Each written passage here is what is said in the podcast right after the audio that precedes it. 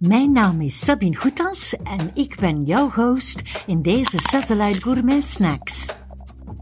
In deze reeks maak je kennis met gastronomen die streven naar de perfectie in hun vakgebied. In deze podcast Snack bijten we in de passie van Josephine Meulen. Ik ben geboren op 25 april 1985 in Roeselare. Ik woon in een zeer gezellig straatje, de Hofmeerstraat in Gent. Ik heb een heel leuk gezin van uh, twee jongens en met mijn vriend uh, heb ik ook nog een plusdochter bij. Ik hou enorm veel van theater, van dans. Ik werk ook als programmator, dus ik hou ook echt van cultuur, van kunst. Ik werk uh, in de factorij in Zaventem. En daarnaast ben ik heel graag bezig met onder andere eh, lezen over boeddhisme. Ik sport graag. Uh, ik ben heel graag bij vrienden.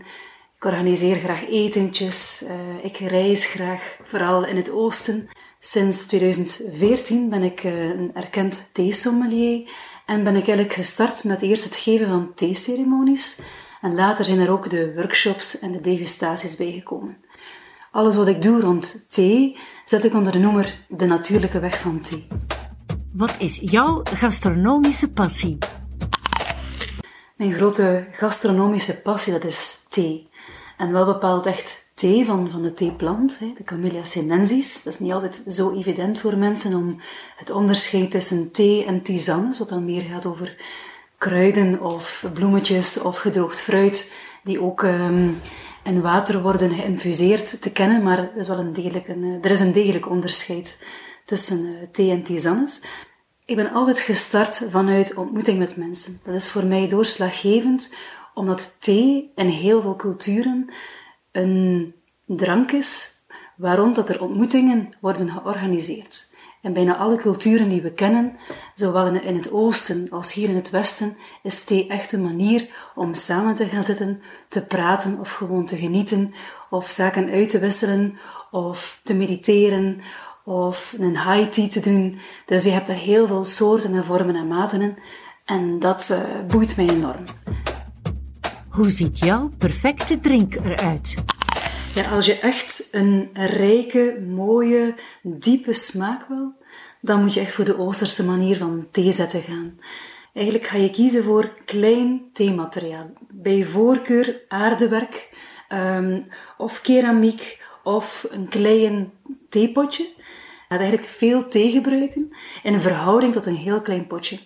En dat zorgt ervoor dat je die thee en die theeblaadjes niet één keer, maar eigenlijk vijf, zes tot soms wel vijftien keer opnieuw kan gebruiken en kan opnieuw kan infuseren. Daarnaast maken we gebruik natuurlijk van zeer kleine kopjes.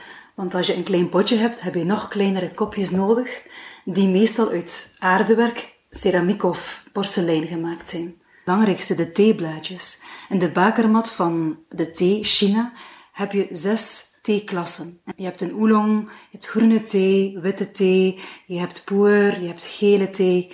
Um, en in die, de verschillende theesoorten zien er allemaal zeer verschillend uit. Je hebt hier een oolong thee, dat zijn echt grote, gedraaide, gerolde blaadjes. Um, die langzaam een smaken vrijgeven en zeer veel verschillende keren kunnen geïnfuseerd worden. Je hebt dan een witte thee, klinkt veel zachter, omdat die zeer zacht en donzig en heel teder eruit zien. Je hebt ook heel wat soorten theeën die gerold worden tot bolletjes. Slordige bolletjes of soms zeer mooi gerolde bolletjes. Dat zorgt ervoor dat de thee eigenlijk, als die mooi um, geconserveerd wordt, eigenlijk vele jaren kan uh, blijven bestaan. En tot slot de groene thee. Die heeft hier een mooie, langwerpige vorm, maar kan evengoed klein zijn met kleine krulletjes en op verschillende manieren eruit zien naar gelang de manier van produceren. Wat helemaal anders is bijvoorbeeld in Japan of in China of in Taiwan. Het eerste wat we doen is ons materiaal voorverwarmen. Door meteen water in het uh, theepotje te schenken en ook de kopjes en eventueel je kannetje dat je gebruikt al eens voor te verwarmen, zorg je er straks voor dat je thee langer en mooier warm blijft. In de tweede stap gaan we eigenlijk de thee in het potje doen, in het theepotje doen.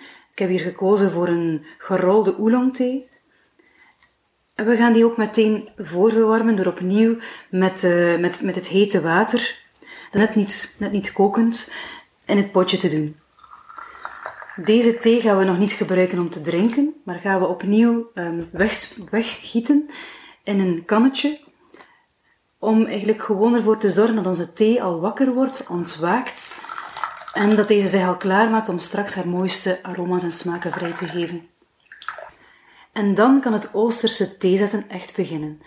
We nemen terug ons water. Ik neem hier 95 graden voor deze donkere oolong.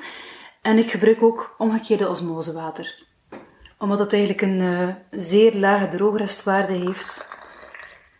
Waardoor dat de smaken en de aroma's dan beter tot uiting komen. En op deze manier, op deze Oosterse manier, moeten die theeblaadjes eigenlijk maar zeer kort infuseren. Eigenlijk na 10 seconden kunnen we eigenlijk al spreken over een eerste infusie, die we terug in ons kannetje kunnen gieten. Het kannetje gebruik ik eigenlijk alleen maar om ervoor te zorgen dat als ik met meerdere mensen thee drink, wat dus meestal gebeurt, dat wij allemaal hetzelfde proeven. want dan heeft iedereen net dezelfde smaak om te proeven. Als ik rechtstreeks vanuit het potje in de theekopjes zou schenken, dan zal de eerste persoon een veel lichtere thee krijgen dan de laatste persoon. Dus dat is de reden. En dan is het mooiste moment aangebroken. We gaan de thee drinken. En ik heb een kopje, een klein kopje, zonder oortjes weliswaar, want dan voel je zeer goed hoe warm de thee is. En dan voelt het heel dicht en gezellig. Um, natuurlijk gaan we eerst altijd van het aroma genieten. Eerst ruiken. Want met onze neus kunnen we veel dieper en veel um, specifieker gaan ruiken dan we, dan we met onze tong kunnen proeven en smaken. Um, let ook zeker op het mondgevoel. Wat voel je op je tong? Wat voel je in je keel? Wat ervaar je in je mondhalte? Alles samen, aroma, smaak, het mondgevoel noemen we de flavor van de thee. En in China mag je ook slurpen.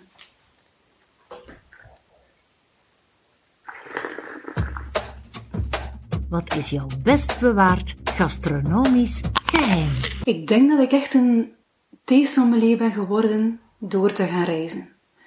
Ik heb op reizen door Taiwan, China, Indië heel veel boeren ontmoet. En het is door te zien hoe zij met hun eigen product omgaan en door te zien hoe dat zij hun blaadjes plukken, maar vooral hoe dat zij hun thee zetten. Omdat zij hun thee ook kennen. Zij weten hoe dat ze reageert op water, op temperatuur. Dus als je een boer zelf zijn of haar eigen thee ziet maken en je proeft de thee zoals hij of zij die proeft, dan begrijp je pas wat er met die thee wordt bedoeld en wie dat die thee is en wat voor karakter zij heeft en wat ze nodig heeft om op een ideale, mooie manier ja, het mooiste van zichzelf te brengen aan de mensen. Ja, als je ooit eens de kans krijgt om tussen de theevelden te lopen en daar die geur op te snuiven en die theefabrieken rond te lopen en die verse theegeur te ruiken en, en met een theeboer samen thee te proeven, dan moet je dat gewoon doen.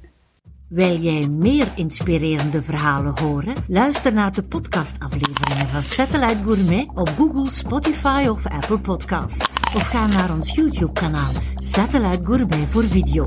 Deze podcastsnacks zijn ook te vinden via Instagram TV.